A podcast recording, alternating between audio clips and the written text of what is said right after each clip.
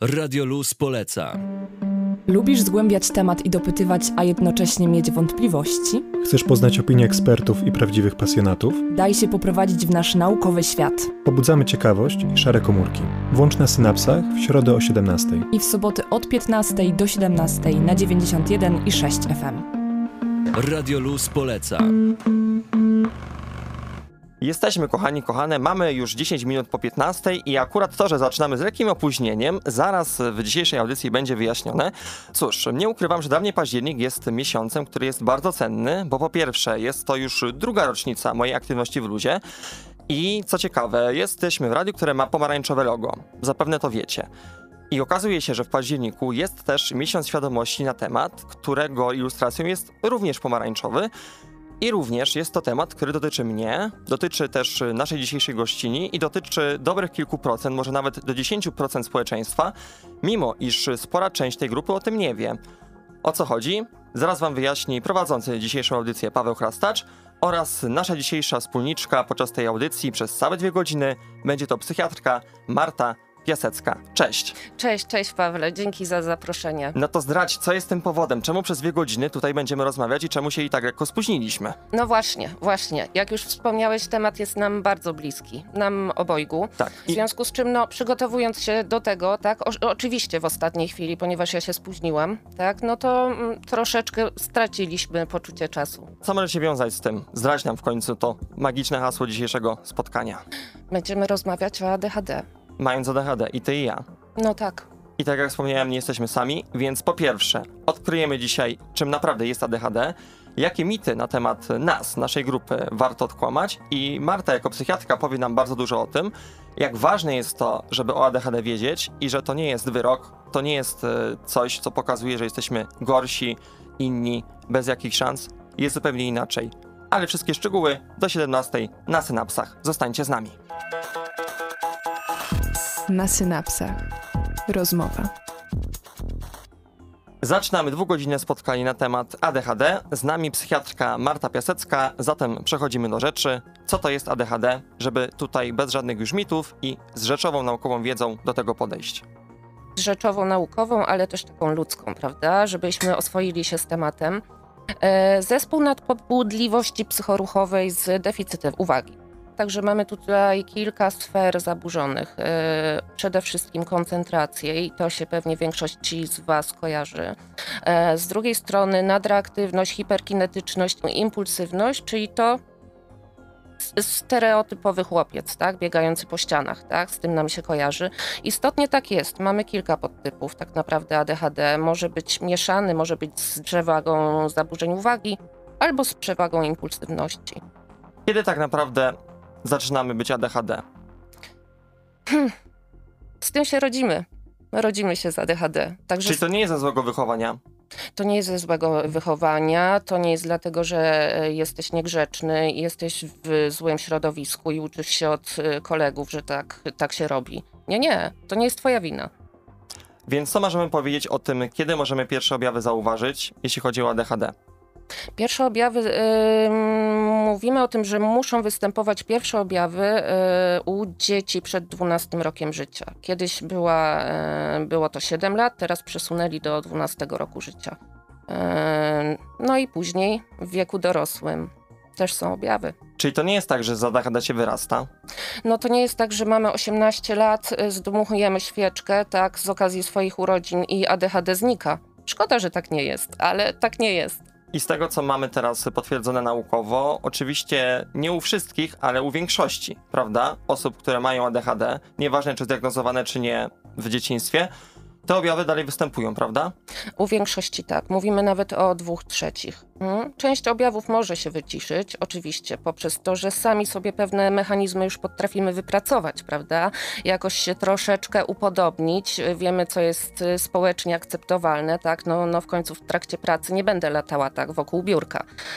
No jasne. Także teraz, Marto, może troszkę rozszerzmy, co różni mózgi, co różni układy nerwowe osób ADHD od osób, które nie mają ADHD. Co nas po prostu różni? Co już wiemy na ten temat? E, Wiemy o genach, które odpowiadają za inną budowę receptorów dopaminowych, e, transporterów dopaminowych. Jest tam też wrzucony e, kawałek serotoniny, noradrenaliny, prawda? Inaczej funkcjonuje obszar, już tak bardzo naukowo mówiąc, czołowo-prążkowiowy, tak? Jeżeli byśmy robili badania e, neuroobrazowe mózgu, to rzeczywiście są różnice. Jak dobrze pamiętam, jest to ciągle zaburzenie neurobiologiczne, neurofizjologiczne, ale to nie jest tak, że ADHD jest chorobą.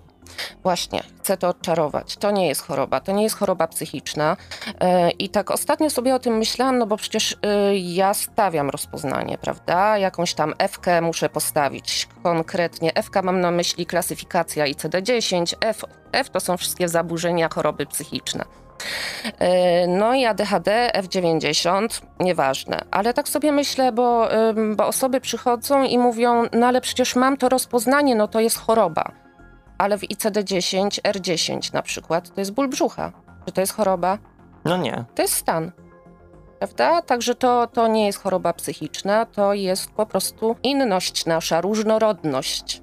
Tak, ostatnio jest coraz popularniejszy termin wywodzący się z e, słów socjolożki, neuroróżnorodność. I to będą osoby, które mogą mieć e, również e, diagnozę spektrum autyzmu, może to być zespół Turetta, dysleksja, dyskalkulia, dysortografia. I może kończąc teraz to nasze pierwsze wejście, rozwin, że właśnie ADHD jest na tym właśnie neuroróżnorodnym spektrum i tak samo, według współczesnej klasyfikacji psychiatrycznej, da się wystawić jednej osobie diagnozę i ADHD i spektrum autyzmu. One mogą współwystępować. bardzo często współwystępują. I tutaj mamy właśnie ruszoną tą etiologię neurorozwojową, prawda? Bo to są bardzo bliskie e, sobie jednak zaburzenia. Zaburzenia, no dysfunkcje, no jednak, prawda? W jakim stopniu e, i mogą współwystępować.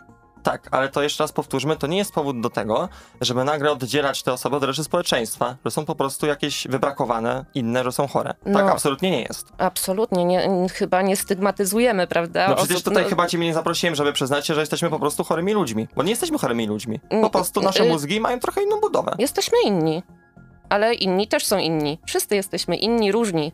Tak, nie ma jednego przepisu na człowieka, to jest fakt. Mhm. 26 minut po 15, tak jak słyszycie, rozmawiamy na synapsach o ADHD. Z nami psychiatrka Marta Piasecka, która tak jak ja jest osobą, która ma ADHD i tym bardziej chcemy w dzisiejszej audycji powiedzieć o tym, jak to nasze życie wygląda z ADHD. Więc Marto, ja już się nieraz wygadałem na antenie, jeszcze się nieraz wygadam, więc teraz oddam tobie trochę, troszeczkę przestrzeni. Jakie najczęstsze objawy ADHD mamy? Mam mówić o sobie, czy, czy Jak ogólnie? wolisz, i tak i tak. okej. Może się dużo pokrywa, zobaczymy. Ym, ogólnie, no to tak, rozpraszalność y, uwagi. To, co przed, przed chwilą się stało, prawda? Zawiesiłam się totalnie, tak, w naszej przerwie, Mhm. bo coś mnie rozproszyło, coś mnie zaciekawiło, tak? Także osoby z ADHD mają, mają dużą podatność na dystraktory. To jest coś, co nas e, automatycznie wyłącza na przykład z rozmowy. Albo więc- z uwagi na wykładzie, czy podczas zajęć. Oj, tak, zdecydowanie tak. Mm, To tu, tutaj dotykamy e, drugiej rzeczy. Ciężko wysiedzieć. Tak, mam ochotę się ruszać na tym wykładzie, tak, nie wiem, cokolwiek, y, ruszać ręką, nogą, wyjść, wstawać y, i no, to tutaj mamy już ruszoną tą nadaktywność. Wiem też, że nie wszyscy ADHD-owcy tak mają, ale właśnie spora grupa lubi aktywność fizyczną, właśnie dosłownie czując potrzebę, żeby to wszystko dosłownie rozbiegać, rozchodzić. Tak, bo nasz organizm jest bardzo intuicyjny. On wie, co robić, prawda? Wie, co, co jest dla nas dobre, więc y, bardzo często rzeczywiście ten sport jest uwalniający, jest y, redukcją tego napięcia. Bo mówiliśmy też o takim napięciu, czyli wewnętrznym niepokoju, który też jest objawem ADHD. I co to jest ten wewnętrzny niepokój? Bo nie zawsze to ADHD, które mamy, jest y, głośne i hałaśliwe i widoczne. To cicha ADHD często właśnie u kobiet. Jakby mm, kobieta internalizuje, nie tylko kobieta oczywiście, ale chciałam poruszyć ten temat właśnie z uwagi na to, że e, niedodiagnozowane są często e, kobiety, dziewczyny, dziewczynki. E, one internalizują ten taki niepokój psychoruchowy do środka. Tak, one przeżywają to w środku, niepokój, coś jest nie tak, nie wiem o co chodzi, ale coś czuję, coś jest nie tak. Zostając dalej przy tej komponencie mm, problemów ze skupieniem, z uwagą, jakie są nasze częste historie? Po pierwsze, co? Zapominanie Zapominanie o spotkaniach, O ważnych datach. rzeczach, o datach. o rachunkach, Oj, tak. o kolokwiach, żeby się nauczyć na czas i o wszelkich rzeczach, które nie mamy albo określone precyzyjnie, kiedy mamy zrobić, albo są po prostu za jakiś czas. Czyli dla nas dużo trudniej jest na przykład zaplanować sobie naukę na semestr, bo nasz mózg nie interpretuje tak tych wydarzeń, które są dużo dalej od teraźniejszości, jak mózgi neurotypowe, więc y, właśnie wracając może tej trochę neurobiologii naszego mózgu, czemu my mamy większe problemy z tym, aby poczuć taką samą nagrodę, taką samą jakby chęć zaangażowania w takie trudniejsze wydarzenia, albo takie, które nas nie interesują. Czemu nasze mózgi no, są na to mniej, że tak powiem, zgodne niż u większości?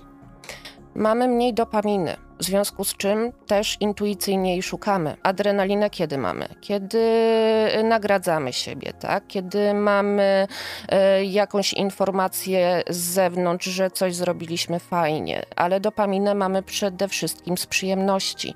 Dlatego my nie uczymy się do kolokwium, prawda? No bo to nie jest przyjemne. My musimy mieć deadline, żeby to zrobić. E, My wtedy idziemy, nie wiem, na spacer do kina, albo coś nas tak pochłonie, że w ogóle zapomnimy o świecie. I Tak. kolokwium. Właśnie mówiąc o zwłaszcza noradrenalinie i dopaminie, i, i jedną z takich prostych metafor, którą przytoczę, jest to, że nas najlepiej pobudza do działania strach albo nagroda. Czyli albo musimy mieć przysłowiowe poczucie, że coś nam już grozi, naprawdę, Mhm. albo ten na przykład deadline mamy dosłownie już nie do przeskoczenia, albo jesteśmy po prostu nagradzani tą dopaminą, czyli innymi neuroprzekaźnikami, czując taką natychmiastową gratyfikację. Nam jest trudniej naszym mózgom jakby, i tutaj chyba się musimy zgodzić, w końcu to audycja naukowa, bo nie mogę tutaj mówić o fałszywych informacjach, no, jak coś jest dla nas późniejsze, nie mamy tego od razu, no, no trudniej jest się na, na tym skupić, bo nie czujemy tej nagrody, którą większość mózgów ma.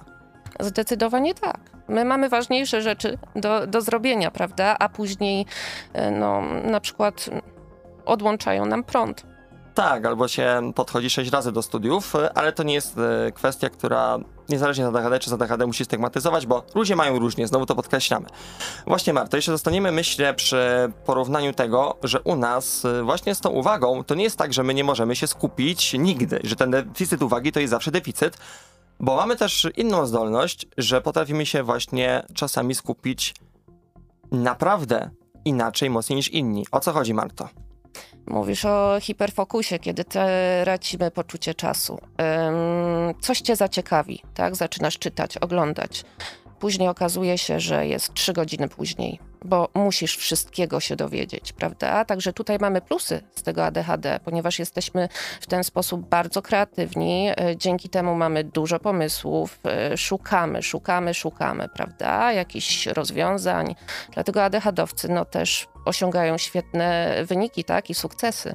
No tak, ale z drugiej strony one i tak czy siak nadejdą, kiedy to zrobimy. A u nas nie jest tak łatwo za zrobieniem zadań, bo kolejną kwestią, którą warto teraz wspomnieć, jest zaburzenie funkcji wykonawczych. I czemu u nas czasami ta droga od e, pomysłu, samego tutaj skupienia się na tym wszystkim, co mamy zaplanowane, rozpisane nieraz, wyjaśnione, nawet mówimy o tym innym, niby wszystko gra, a daje, że nie robimy.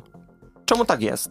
Dlatego, że zgubimy kartkę, na której coś e, rozpisaliśmy. Dlatego, że się gdzieś zgubimy nawet w obrębie własnego pokoju, bo coś nas rozproszy albo zaciekawi. Tutaj często używa się metafory, że nasza pamięć RAM, taka tymczasowa robocza, no nie działa tak w 100% skutecznie, jak mogłaby i przez to mamy te problemy. Czyli na przykład idziemy do pokoju i zapominamy od razu wchodząc, to jest ten efekt futryny tak zwany, czemu tu przyszliśmy, czego szukamy, tak?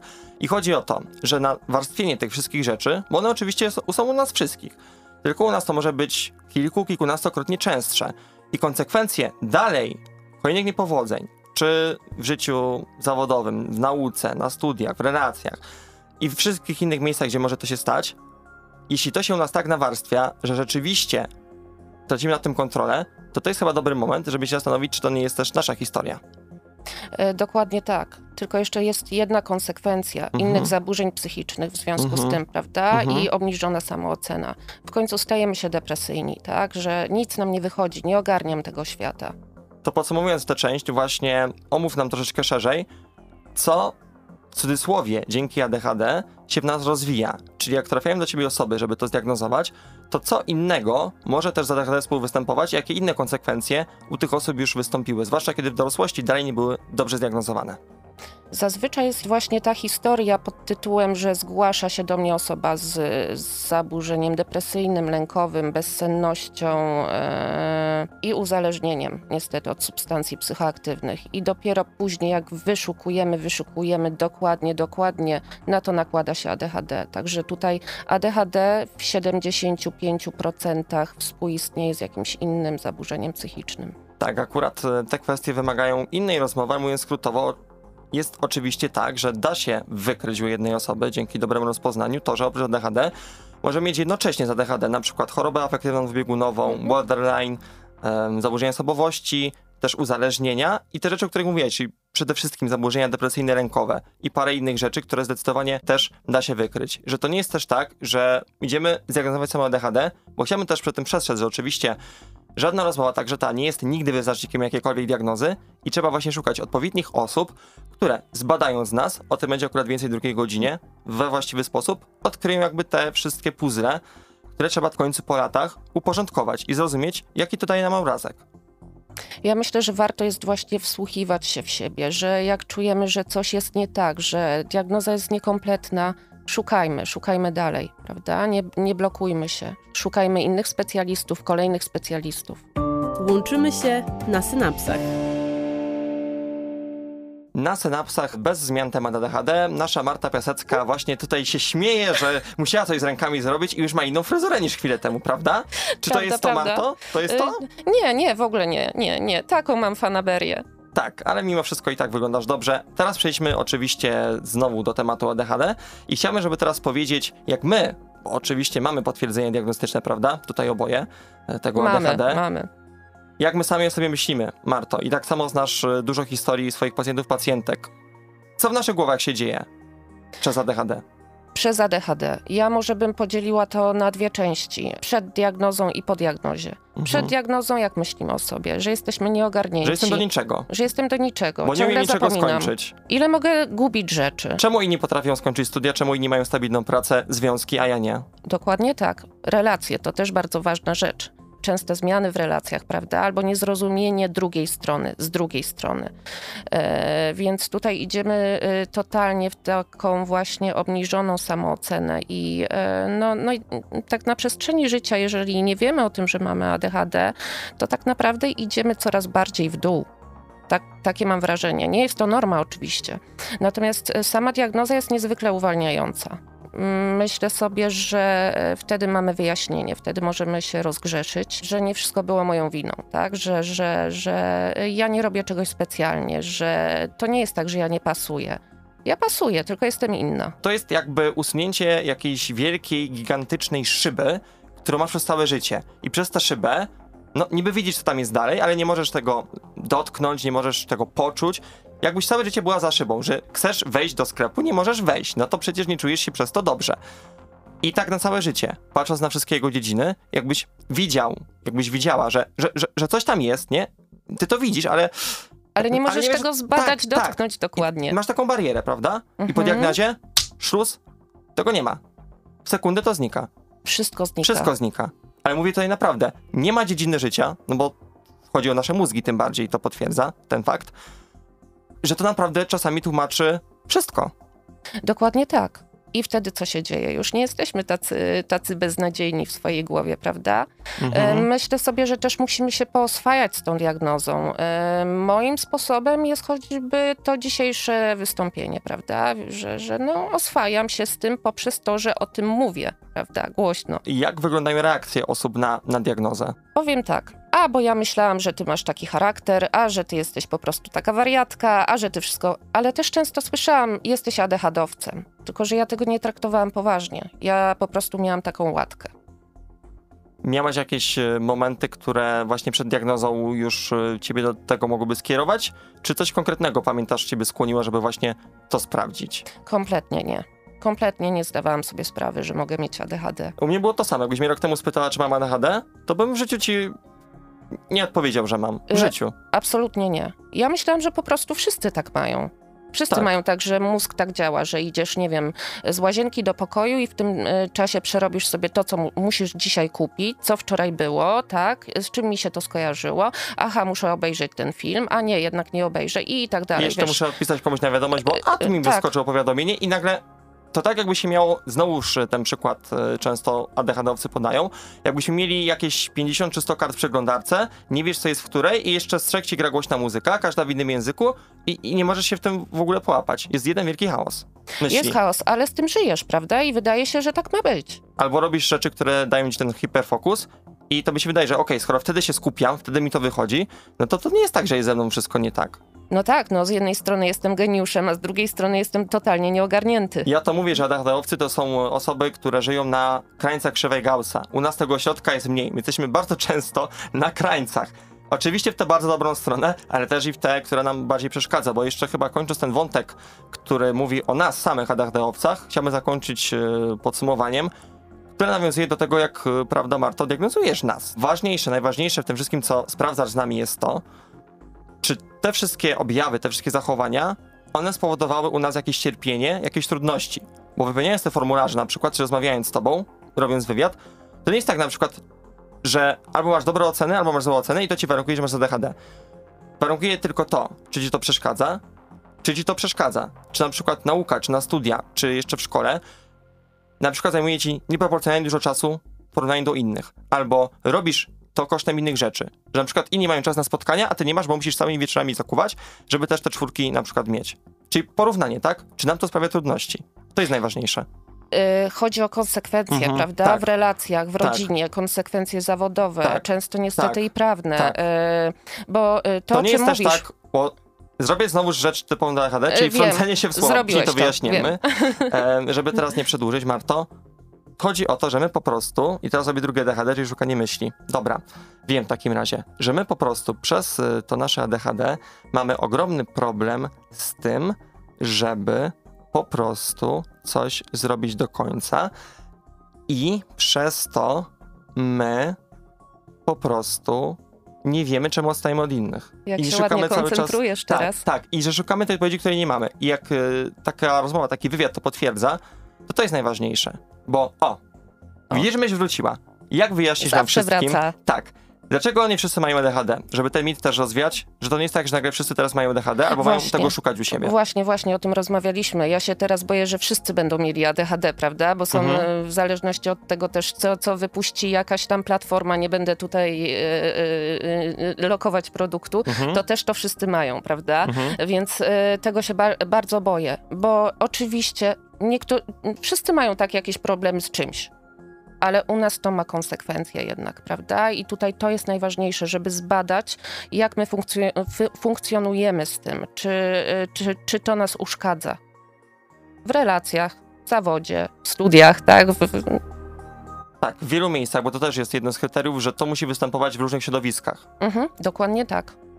Rodzinne, zawodowe, tak jak powiedziałam, i relacje Tak. takie, no. Tak, i kończąc, to nie jest też tak, że każda osoba z ADHD jest taka sama, bo u nas to spektrum jest różne, tylko podsumowanie wystarczającej liczby czynników sytuacji po prostu musi się wam zgadzać, tak? Jak robicie diagnozę. E, Tak, tak, tak, tak, tak, tak, musi się zgadzać, aczkolwiek powiem ci, no nie chcę się rozgadać Mhm, e, na, mhm. na temat diagnostyki. Ja też bardzo trz- nie trzymam się tak e, a propos, ten test ma tyle, tyle punktów i ma ADHD lub nie ma ADHD. Tutaj ważne jest wszystko. Wszystko, wszystko, cały wywiad, e, obserwacja, prawda? Bo komuś może wyjść nie ADHD, a okaże się, że jednak ma ADHD, prawda? Bo ma akurat zdolności w testach, które wypełnia na komputerze, tak? Bo takie testy przeprowadzamy. Jasne, czyli już kończąc to wejście, wrócimy w drugiej godzinie właśnie do dobrej diagnostyki. Na synapsach. Rozmowa. I przewrotnie ostatnie wejście na temat ADHD z psychiatrką Martą Biazacką będzie krótkie, bo Marto specjalnie ustaliliśmy, że możemy bardzo krótko ująć jedną kwestię. Jak ADHD reszta świata powinna postrzegać naszą grupę? naszą grupę nie musi postrzegać. Po prostu my jesteśmy, jesteśmy tacy, jacy byliśmy, ADHD-owcami od urodzenia, tak? I będziemy. I się poznaliśmy, czy z diagnozą, czy bez. Za to się polubiliśmy, pokochaliśmy. Jesteśmy kolegami, znajomymi, sąsiadami, współpracownikami. Po prostu jesteśmy ludźmi. Dokładnie tak. Możemy mieć swoje jakieś e, trudności, możemy mieć coś, co wymaga u nas więcej czasu, wymaga więcej poświęcenia, ale po prostu, Marto, chyba dogadajmy się ze sobą i to jest chyba najprostsze rozwiązanie. Tak. I co jeszcze według ciebie, też patrząc ze swojej perspektywy, może nam pomóc, jakby w oswajaniu się z resztą świata? Co może nam dobrze na serduszko zrobić jeszcze według ciebie? Mówienie o tym. Mm, przyznawanie Nie się może, się. nie wstydzenie się, oswajajmy się tym, z tym. Oswajajmy innych, oswajajmy siebie. Tak. I nie przede wszystkim złego. to nie jest nic złego. Nie. Tak. Dlatego w drugiej godzinie będziemy omawiać więcej o tym, jak możemy sobie pomóc, bo pomówimy na pewno o farmakoterapii, prawda Marto? Oczywiście. I oczywiście o tym, jak właśnie psychoedukacja i odkrywanie siebie trochę na nowo po diagnozie może pomóc wszystkim i nam, i wszystkim bliskim, wszystkim przyszłym poznanym osobom, które w naszym życiu się pojawią, więc na pewno nie zmieniajcie fal na inne. Do 17 zostajmy na synapsach. Udało się krótko? Pobudzamy wasze synapsy. Na 91 i 6 FM. Jest niecałe 9 minut po godzinie 16 i z Martą oczywiście robimy specjalnie taki spontan. Teraz się Marta śmieje, bo specjalnie jeszcze nie ułożyłem scenariusza na te dwa wejścia. dobrze. Ale Damy tak jest najlepiej. skupić? No właśnie, No, pokazujemy prawdziwe się. życie z ADHD, że my też sobie radzimy dość często w takich warunkach bojowych. Więc Marto, proste pytanie na początek. Farmakoterapia w ADHD. Czemu jest potrzebna? Jest potrzebna. E, Dlaczego? Żebyśmy się troszkę uspokoili. Tak, może to brzmieć troszkę dziwnie. Leczenie polega, farmakoterapia polega na stosowaniu psychostymulantów, które mogą pobudzać inne osoby, a nas uspokajają. W związku z czym, jeżeli jesteśmy, mm, mamy wyregulowany poziom choćby e, dopaminy w ciągu dnia, jesteśmy spokojni i ogarniamy rzeczywistość. I uczymy się ogarniania, przyzwyczajamy się do tego, że możemy żyć nie w chaosie, ale w porządku. Pamiętasz, jak u ciebie na początku właśnie te pierwsze dni, pierwsze kroki na farmakoterapii wpłynęły na ciebie? Jak, jak to odczułaś? E, Ja pamiętam, że bardzo bałam się, czyli kolejny stereotyp, Mhm. tak, nawet u mnie, bardzo bałam się e, zacząć brać leki. Natomiast e, już po pierwszej dawce metylofenidatu nastała cisza i oświecenie, tak, że można inaczej, można inaczej się czuć. No to, był dla mnie cud. Tak, no u mnie też było podobnie, że nagle rzeczywiście ten wieczny hałas w głowie ucichł. Jest mi lepiej e, się skupić e, prościej na jednej rzeczy, że zwłaszcza kiedy biorę lek, który działa troszeczkę dłużej i będziemy zaraz jeszcze oczywiście mówić e, o co chodzi z tym metylofenidatem, oczywiście wszystko wyjaśnimy, że, że to rzeczywiście pomaga. Ale właśnie mówiąc o lekach, skoro już wiemy, że to jest ważne, powiedzieliśmy hasło metylofenidat, co to jest ten metylofenidat i ogólnie jak te leki się kształtują na ADHD, co to jest w ogóle, co, co my bierzemy? Jak już wspomniałam, bierzemy leki psychostymulujące. Niestety wachlarz y, możliwości jest bardzo mały. Mm, Z substancji dostępnych, no to tak naprawdę jest w pierwszej kolejności metylofenidat y, o przedłużonym uwalnianiu stosowany u dorosłych. Y, Dex, amfetamina, która nie jest dostępna w Polsce, ale jest zarejestrowana, atomoksetyna, no i dalej to już takie e, mniej e, stosowane środki, które nie są ta- tak skuteczne jak metylofenidat. Tak, czyli jeśli chodzi jeszcze o metylofenidat, bo mamy też oczywiście wersję o natychmiastowym uwalnianiu, prawda? Oczywiście. Mamy dwie, bo jeszcze zauważyłem, że to zjadłaś. Mhm. Mhm, No. Okej. E, em, Ja jestem bardzo elastyczna, jeżeli chodzi o leczenie tutaj e, swoich kochanych ADHD-owców i daję im bardzo często wolną rękę w stosowaniu tego, tego leku. I można łączyć i jedną formę, i drugą. Szybko działającą i długo działającą. W zależności od potrzeb. Tak, i oczywiście dawka też jest dostosowywana do konkretnego pacjenta, Bardzo pacjentki. indywidualna. Bardzo indywidualna. Ja czasem mówię, że 100-kilowy facet może mieć najmniejszą dawkę, a e, maleńka dziewczynka potrzebuje dawek off-label. Czyli po to jesteście dla nas, jako psychiatrzy, żeby to po prostu z wami wspólnie ustalić. Czyli Ustalić, nauczyć się być Tak. uważnym, czujnym, tak? Na siebie i na to, co się z nami dzieje. tak, ale też y, nie da się ukryć, że mówiąc na przykład o metylofenidacie, to na przykład jego stosowanie zwłaszcza po posiłku, zwłaszcza białkowym, białkowo-tłuszczowym i całe dopasowanie tego, żeby rzeczywiście się wysypiać, rzeczywiście jeść i przyswajać ym, te leki w dobrym momencie, że to dopiero działa najlepiej, jak my też sami swoje, że tak powiem, y, życie, cały całokształt y, staramy się ogarnąć i to właśnie ten w ogóle metylofenidat nam umożliwia często, po raz E, pierwszy. Układa nam, układa nam życie. Choćby to, co mówisz o wysokoproteinowym posiłku rano, Mhm. tak? Ja nigdy w życiu nie jadłam śniadań. Dużo adhd też pewnie nie, nie jadło śniadań. Mm, dalej nie jem, ale, e, ale mam Ja szejki więcej. proteinowe. My często mamy w ogóle problemy, żeby mieć czas na posiłek. Jak ja przychodziłem na jedną audycję głodny, bo miałem 10 innych rzeczy wcześniej, 5 odłożyłem na później i dla mnie naprawdę problem, który dla kogoś nie jest problemem, było to, żeby znaleźć dosłownie 10 minut, żeby coś zjeść. I mi E. zawsze tych 10 minut brakowało i nie wiedziałem czemu 10, 20, 30 raz jest to samo. Albo w ostatniej chwili coś kupię po drodze i wpadam do radia i jem dosłownie 2 minuty przed. E, Mogę się licytować z tobą jak najbardziej. Mimo leczenia jem obiady o 23 w łóżku. Bo też musimy tutaj jeszcze przypomnieć, że wśród osób z ADHD ten e, cykl dobowy troszeczkę inaczej może wyglądać i jak e, nasz sen, zaburzenia tego cyklu, no, no o co chodzi Marto, że u nas jest też oczywiście coś nieco innego niż u większości pewnie. E, Jest nieco innego. E, My śpimy bardziej płytko, często nie wchodzimy w tą głęboką fazę snu. E, No jesteśmy sowami.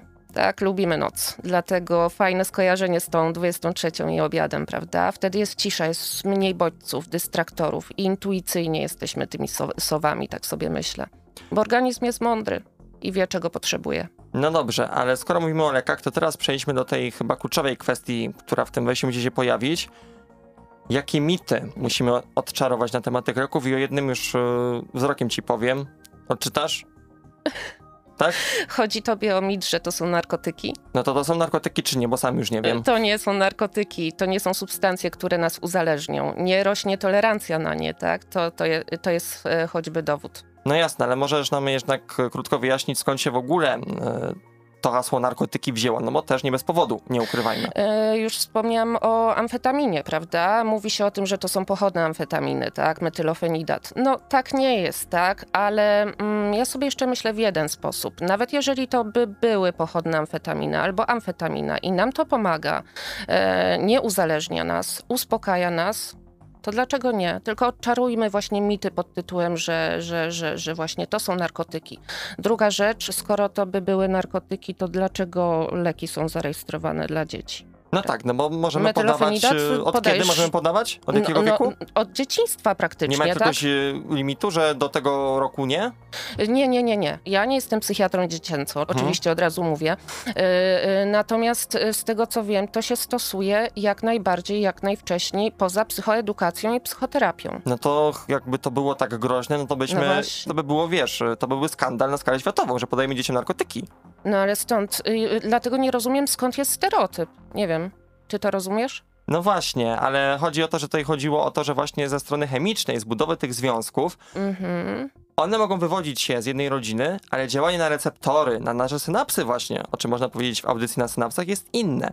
Jak powiemy sobie na przykład o takiej po prostu metamfetaminie na przykład, to ona działa inaczej. Nie będę tego już teraz rozdrabniał, ale ona działa inaczej. W tym wypadku ona In- by działała może jeszcze na nas inaczej niż ten metrofenidat. Że to nie są tożsame substancje i działanie się po prostu różni.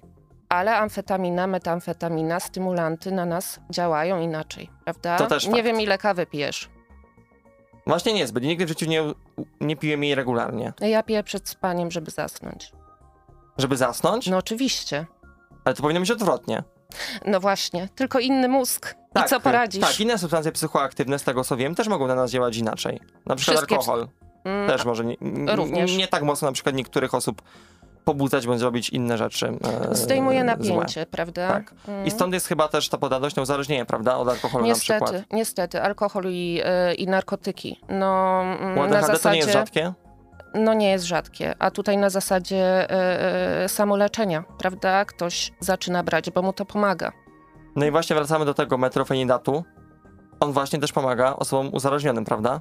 Pomaga. Zdecydowanie ja to obserwuję, że spada zapotrzebowanie na substancje psychoaktywne. Przychodzi do mnie człowiek i mówi: Wie pani co? Ja dopiero zauważyłem, mm, że, że ja nie potrzebuję. Mnie to nie interesuje. Mi się nie chce pić, mi się nie chce ćpać.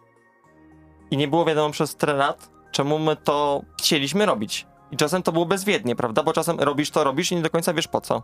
No nie wiesz, ale em, zauważasz, że na przykład jest ci, nie wiem, spokojniej choćby, Mhm. prawda? Coś ci się układa.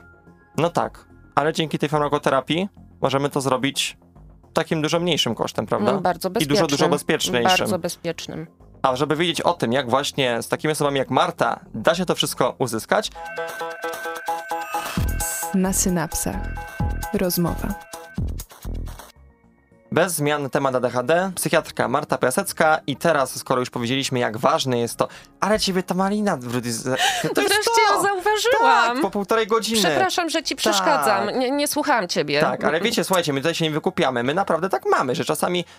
I też jeden z objawów, który często z innymi ADHD-owcami w rozmowach słyszałem, że my czasami widzimy, ale nie widzimy wszystkiego. Ja że- dopiero zauważyłam. Tak. A tu jest ile tych lampek? Pięć. Pięć. Mhm. No właśnie. U nas czasem tak jest i tak samo jest z tą diagnozą, że to właśnie to jest takie zapalenie lampki, że nagle to wszystko widzimy, prawda? Tak. Tak. Więc obiecałem, że nam wyjaśnisz, jak prawidłowo, no jak prawidłowo ADHD się diagnozuje. Czyli jesteśmy w sytuacji, kiedy mamy przesłanki, żeby oczywiście nie bać się wizyty u specjalisty, specjalistki, no to gdzie powinniśmy zacząć? Idziemy do psychiatry, tak? E, Mówimy o swoich przypuszczeniach, dlaczego się zgłosiliśmy. Nie wstydzimy się tego, bo e, jeżeli mamy diagnozę, okej, diagnozujmy się. Jeżeli nie, no to wykluczamy po prostu. Jeszcze dodam, że często osoby z ADHD miały wcześniej inne diagnozy. tak, Też tak, tak, zażywały tak, na tak. przykład inne y, leki od psychiatrów, bo mogły im one pomóc w takim czy takim stopniu, ale to były czasem konsekwencje tych współistniejących rzeczy, prawda? Tak, prawda. Czyli tym bardziej wtedy się nie bać, bo znowuż jest to, co mi sama mówiłaś przed rozmową, to słyszysz od osób, które do ciebie trafiają, że, no, no, no, że, że ta osoba wymyśla, no, że przychodzi na diagnozę ktoś, ale tak naprawdę się boi albo po prostu już nie wie, co z sobą zrobić, że jest ta osoba głupia, nienormalna i wszystkie inne pejoratywne określenia. Jako ADHD-owcy przychodząc na diagnozę, tak naprawdę, no dosłownie tak, Mhm. Wiem, o co ci chodzi. naprawdę. Mhm. I szukamy ciągle tej odpowiedzi, której nie znamy.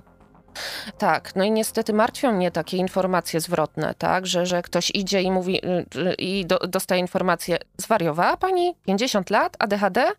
No gdzie? Dobre wyniki w nauce, w szkole, w pracy, tylko jakim to było kosztem.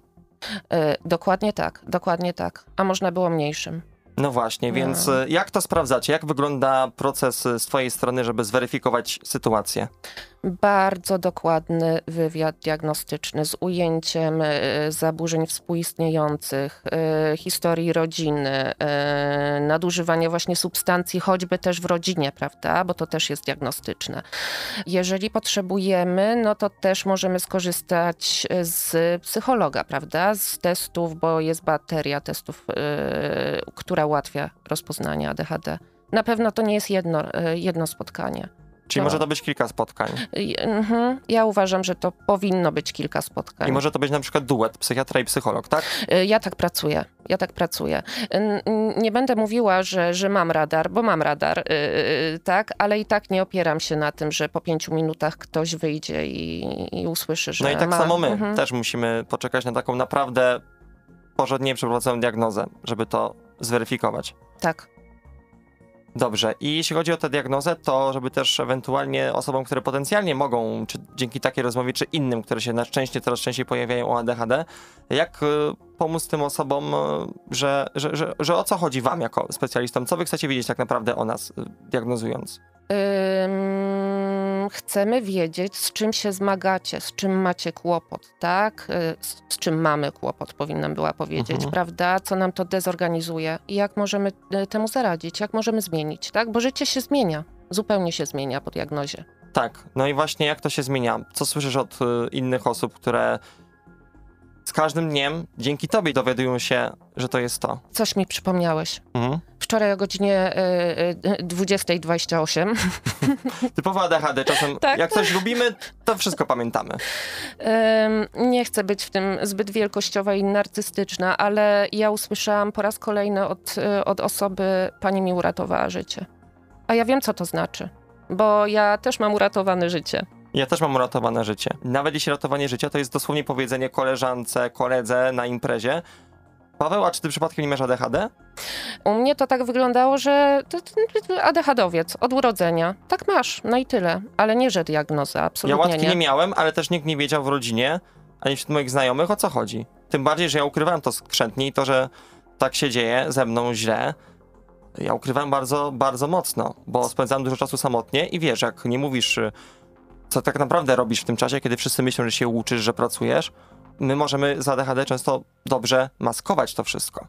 Y, maskować albo mm, też taka metoda prześmiewcza, prawda? A znowu coś zgubiłam, a znowu nie zapłaciłam. A ja to jestem taki, No, no, jestem głupia. roztrzepany, no, nie? tak, no, tak, tak. Ale niwa, no. znowu, no. znowu to zrobiłam. No tak.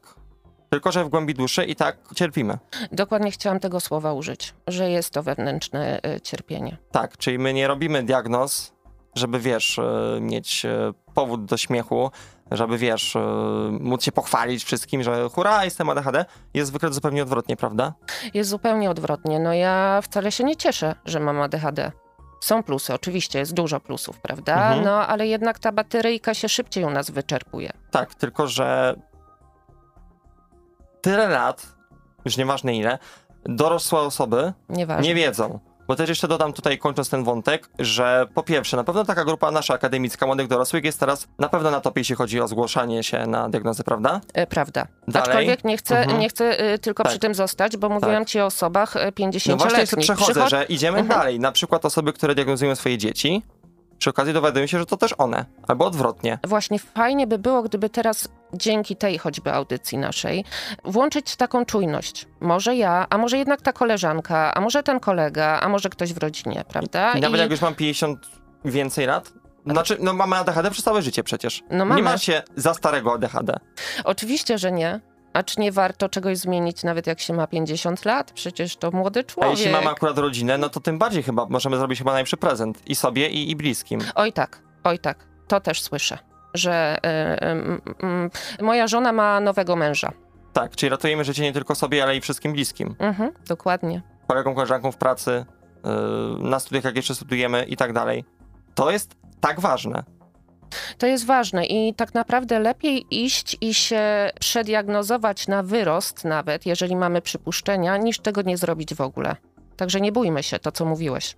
Tak, tak, więc yy, jeśli ty byś miał podsumowując to wejście, powiedzieć komuś, to miałby się dzięki takim słowom zastanawiać tak już naprawdę na serio, yy, dlaczego warto do takiej osoby jak ty przyjść? Jeżeli mamy wątpliwości, jeżeli czujemy się inni, jeżeli e, właśnie cierpimy i nie wiemy do, do końca, co to jest, no przyjdźmy porozmawiać po prostu.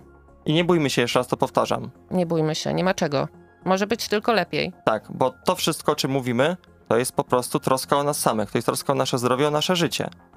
Zdecydowanie My tak. się nie przyznajemy do błędu, my nie jesteśmy przez to złymi ludźmi. Odwrotnie, my robimy sobie chyba coś, no nic lepszego nie możemy sobie zrobić. Rozgrzeszamy się Tak. y, y, troszkę, Trochę prawda? I zaczynamy może bardziej lubić. Może pozwalamy sobie na to ADHD też, prawda? Tak, bo to nie jest tak, że to wszystko od razu musi się zmienić o 80 stopni i trochę o tym za chwilę z Martą Piasecką, która jako psychiatka i osoba z ADHD, to właśnie słuchaj, jak już widzisz, e, weszliśmy w taki klimat rozmowy, od razu słuchaj, rozmawiamy inaczej niż godzinę temu, co nie? tak. Już to ma inny klimat. Na synapsach. Rozmowa. 18 minut do 17. Marta się znowu cieszy, że lampki są. Marta Piasecka, psychiatrka, tak jak ja, osoba z ADHD. I już naprawdę serio w takim, o, wyjątkowym, dobrym klimacie będziemy jeszcze przez kilkanaście minut mówić o ADHD. Wiemy już, jak ważne jest diagnozowanie ADHD, także kiedy to jest osoba dorosła już naprawdę po kilku dekadach życia. No to Marto, co dalej? Co możemy z sobą zrobić dobrego? Po prostu. Co możemy zrobić? Leczymy się, prawda? Uczymy się e, nowych schematów postępowania, czytamy. Ja zachęcam do różnego rodzaju, e, nie wiem, podcastów, oglądania filmików na YouTubie. Zresztą to jest też e, tak, że często osoby, które przez przypadek niby, tak, obejrzą coś, przychodzą do mnie, prawda? Bo no, ja chyba też tak mam. No ale mówimy o drugiej stronie. E, psychoedukacja, prawda? Żeby właśnie uczyć się, że możemy to, możemy to, możemy sobie coś rozplanować, rozpisać, wyuczyć się tego i to, o czym mówiliśmy, poprosić o pomoc. I my nie musimy robić tego tak samo jak wszyscy. Nie musimy. Możemy mieć swoje wymagania, swoje potrzeby, swój styl. Chodzi o to, żebyśmy słuchali tych swoich potrzeb i wtedy będzie naprawdę okej. Naprawdę to pomoże?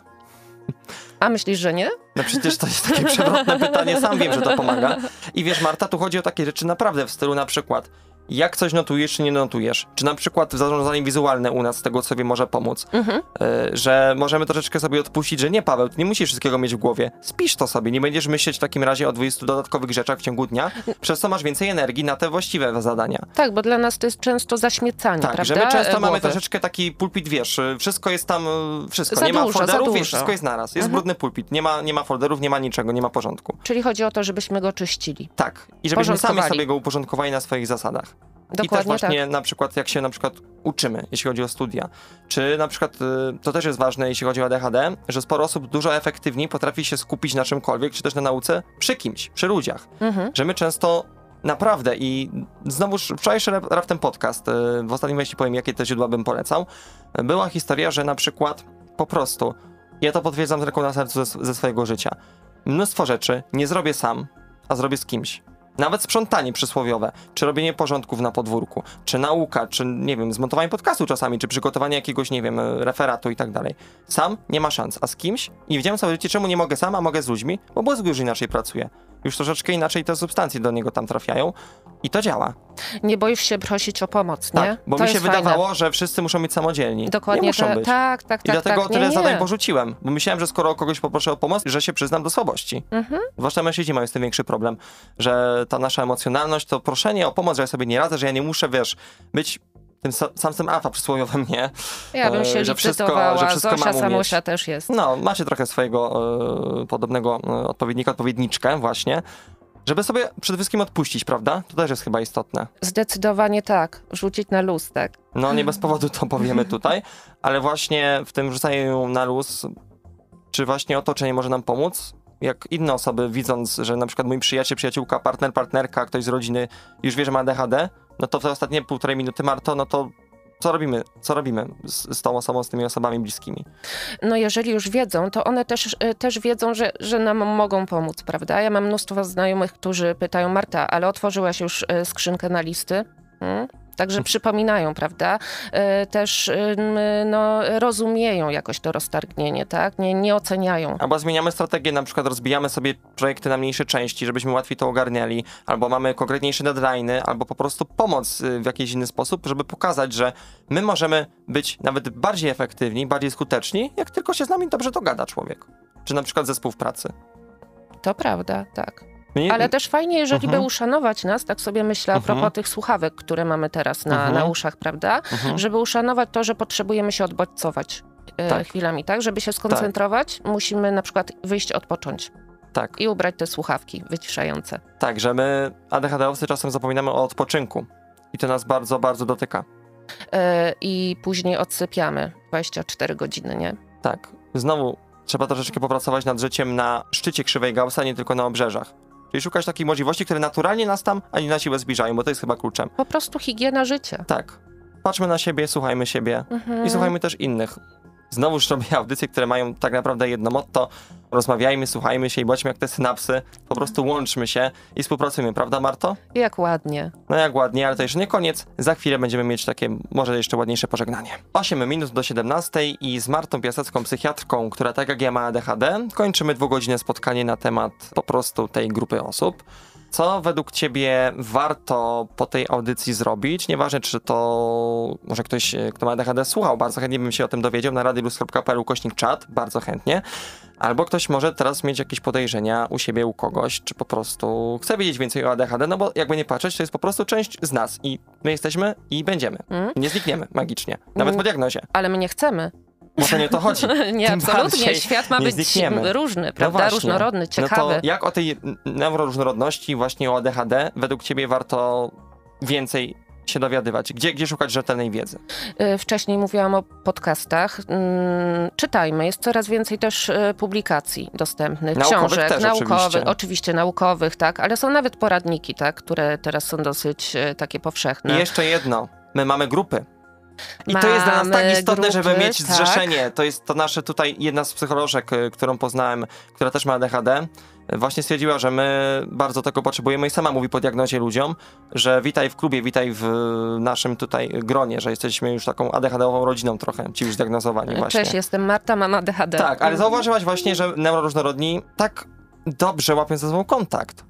Y, tak, to, to, to, to jakbyśmy jednak nadawali na tych samych falach. No i często jak odkrywamy to, to nam to dużo ułatwia. Więc z mojej strony ja na pewno mogę polecić Ole, która prowadzi podcast Atypowe, Paulina, która prowadzi Kobiety i ADHD, oczywiście grupa ADHD u dorosłych, jeszcze jest grupa ADHD, ADD y, u dorosłych merytorycznie, tam ciebie też można na pewno spotkać. Mhm. E, tak, także będziesz czuwać nad merytoryką.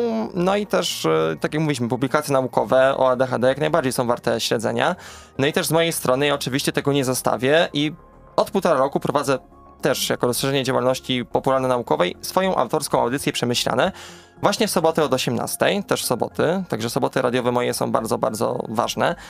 No i nie tylko na antenie, w zeszłym tygodniu, w tym i w przyszłym będą e, nagrania, ale kilkanaście, tak, kilkanaście godzin materiału będzie na Was wkrótce czekać i na Spotify mojej audycji Przemyślane i w sporej części na Spotify Radia Luz, więc naprawdę będzie cykl całych rozmów i z osobami, które po prostu tak jak ja mają ADHD i ze specjalistkami z ADHD i na przykład z ADHD i Spektrum, ale to będzie wszystko z jednym dobrym morałem, że tak naprawdę Marto i chyba tutaj będę miał od Ciebie jedno ostatnie pytanie do potwierdzenia, że wszystko będzie dobrze chyba jednak z nami, nie?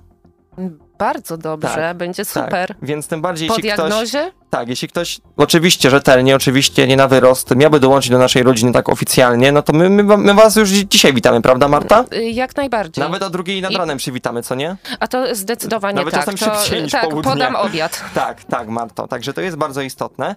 I jeśli chodzi o przyjęcie do rodziny, no to oczywiście muszę tutaj jeszcze przypomnieć, że do konkretnie trzeciej nad ranem z niedzieli na poniedziałek, czyli jeszcze przez półtora dnia około, możemy się dostać do Radia Luz, kochani i kochane, po drugiej stronie, bo mamy jeszcze formularz rekrutacyjny czynny, do wyboru pięć redakcji, oczywiście w tym moja popularna naukowa. Jak najbardziej Was zapraszamy. radioluz.pl ukośnik rekrutacja. Tam macie wszystkie szczegóły. Wszystko można jeszcze spokojnie przez te dwa dni przemyśleć, nawet z ADHD. Ja tylko mogę potwierdzić, że ADHD mi tutaj w radiu, no jakby to powiedzieć prosto, na pewno nie przeszkodziło, ale ja powiem jedną rzecz i ona z tego co wiem z doświadczenia też jest ważna dla osób, które tak jak ja jednak z tą psychiką miały pod górkę. Powiem tak, nigdy nie otwierałem drzwi od y, radia, od budynku C8 z myślą, że jestem tu niepotrzebny. Nigdy nie miałem myśli, że robię coś, za co ktoś może mnie wyrzucić, robię coś złego. Więc jeśli szukacie miejsca, gdzie możecie tak jak ja, robić czasem szalone rzeczy, szukać siebie, szukać pomysłu na życie, studia, działalność, wszystko możecie w luzie przemyśleć. Także jeszcze raz podkreślam, że luz jest miejscem, które rzeczywiście może też uratować życie, Marto. Tak jak mówiliśmy wcześniej o nas. Y, Potwierdzam, odnośnie radia. Naprawdę Tak. klimat niesamowity. Tak jest, więc jeszcze raz y, wam to potwierdzam i oczywiście dziękuję wam razem z Martą, czyli z Martą Piasecką, psychiatrką, która diagnozuje ADHD u dorosłych i oczywiście stara się później to leczyć. Ja jako Paweł Chrastacz tak samo wam dziękuję, oczywiście Bartkowi Patli przy stole realizatorskim również i zostańcie z nami na 91,6 FM, kolejny na synapsach już w środę o 17. Nauka bez tajemnic. W akademickim Radiu Luz.